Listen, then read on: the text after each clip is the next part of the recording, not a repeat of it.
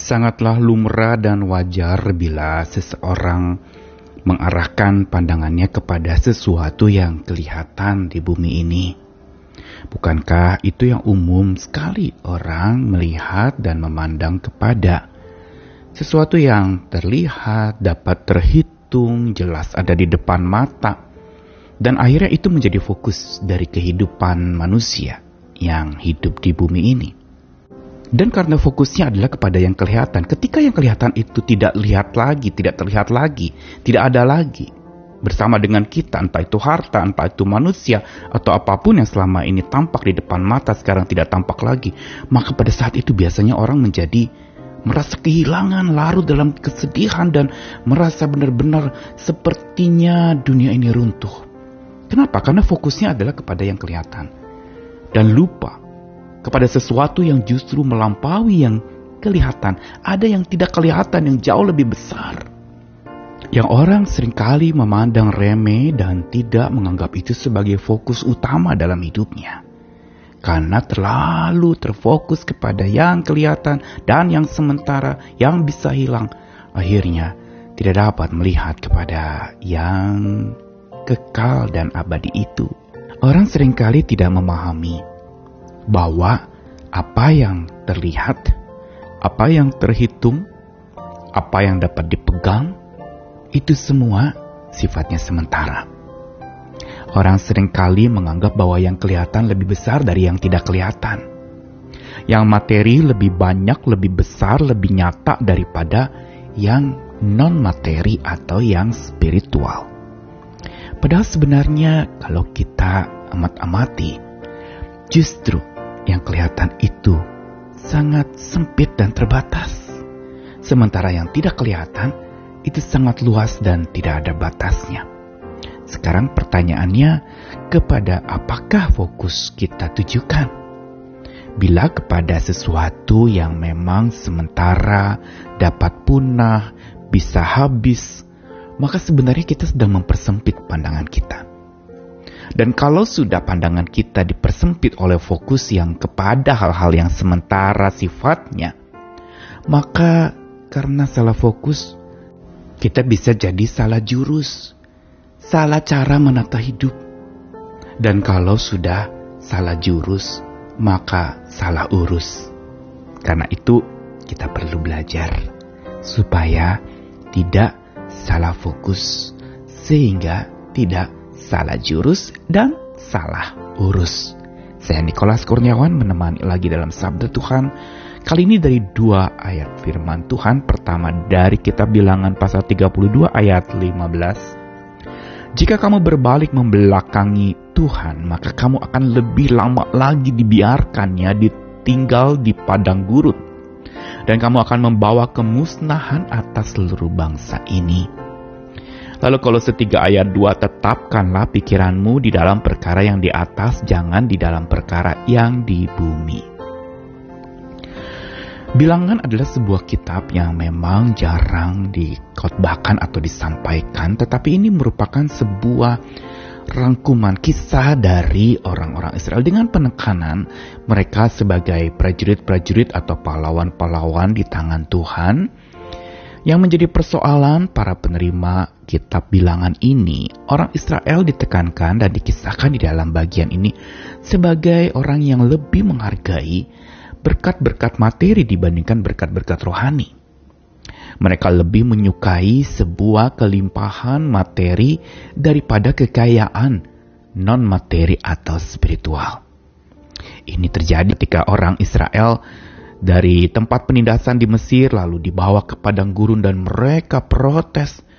Mereka lebih memilih jadi budak tetapi kaya raya daripada jadi pengembara yang tidak jelas namun kaya rohani bersama dengan Tuhan. Pilihan yang tidak mudah memang, tetapi inilah yang terjadi. Mereka bersungut-sungut karena mereka lebih memilih kelimpahan kaya materi daripada kaya spiritual atau kaya rohani. Karenanya Tuhan menegur dan di dalam bilangan 32 ayat 15 ini menjadi kata kunci dan penting di dalam ayat ini. Jika kamu berbalik membelakangi Tuhan, maka kamu akan lebih lama lagi dibiarkannya tinggal di padang gurun dan akan membawa kemusnahan atas seluruh bangsa ini. Pesan Tuhan jelas di dalam kitab bilangan untuk supaya seseorang justru kembali kepada Tuhan, terarah kepada Tuhan, fokus hanya kepada Tuhan, bukan membelakangi Tuhan. Karena saat seorang membelakangi Tuhan, dan dia yang ada di depan mengatur-ngatur Tuhan atau mau jadi kepala untuk Tuhan, maka sebenarnya firman Tuhan ingatkan hari ini akan lebih lama lagi tinggal di padang gurun. Padang gurun adalah lambang sebuah pembuangan masa sulit penuh dengan kekeringan dan banyak keputusasaan di padang gurun. Kitab suci mencatatkan padang gurun sebagai tempat-tempat pembuangan, tempat-tempat di mana orang-orang termasuk Musa juga mengalami masa dia lari dari Mesir menuju ke padang gurun karena dia ketakutan sebagai buron setelah dia membunuh seseorang di Mesir. Dan lalu kemudian dikatakan bahwa kalau tidak berbalik kepada Tuhan atau membelakangi Tuhan, maka akan lebih lama lagi dalam masa kesusahan. Simple, sederhana, dan jelas sekali ayat ini mau beritahu kepada kita. Fokus kepada apakah kita? Bila fokus kepada dunia dan persoalannya, itu akan membutakan mata dan mempersempit pandangan. Karenanya dipenuhi dengan sungut-sungut.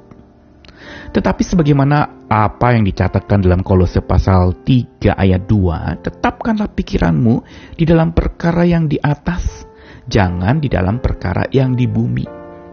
Atau pikirkanlah perkara-perkara yang di atas, jangan perkara yang di bumi. Kitab Kolose menegaskan lagi untuk supaya pikiran kita ditata kepada hal-hal yang ada di atas yang berarti sesuatu yang rohani. Berarti fokus kepada Tuhan yang maha tinggi dengan segala macam kedaulatannya dan kendalinya yang akan membukakan mata kita memperluas pandangan. Inilah pesan yang penting untuk supaya ketika hidup kita ada di dunia ini biarlah pandangan kita kepada Tuhan dan kedaulatannya serta kendalinya atas segala pergumulan hidup kita. Ini akan membukakan mata kita. Kalau fokus kepada persoalan, masalah, maka persoalan itu sebenarnya sedang mempersempit pandangan kita, membutakan mata kita. Tapi melihat kepada Tuhan dan kedaulatannya serta dia yang pegang kendali atas segala sesuatu, membuat mata kita terbuka, tidak lagi buta. Dan pandangan kita diperluas, tidak lagi sempit. Fokus kepada Tuhan bukan berarti kita lepas tanggung jawab, tapi justru bersama dengan Tuhan kita tangani persoalan itu.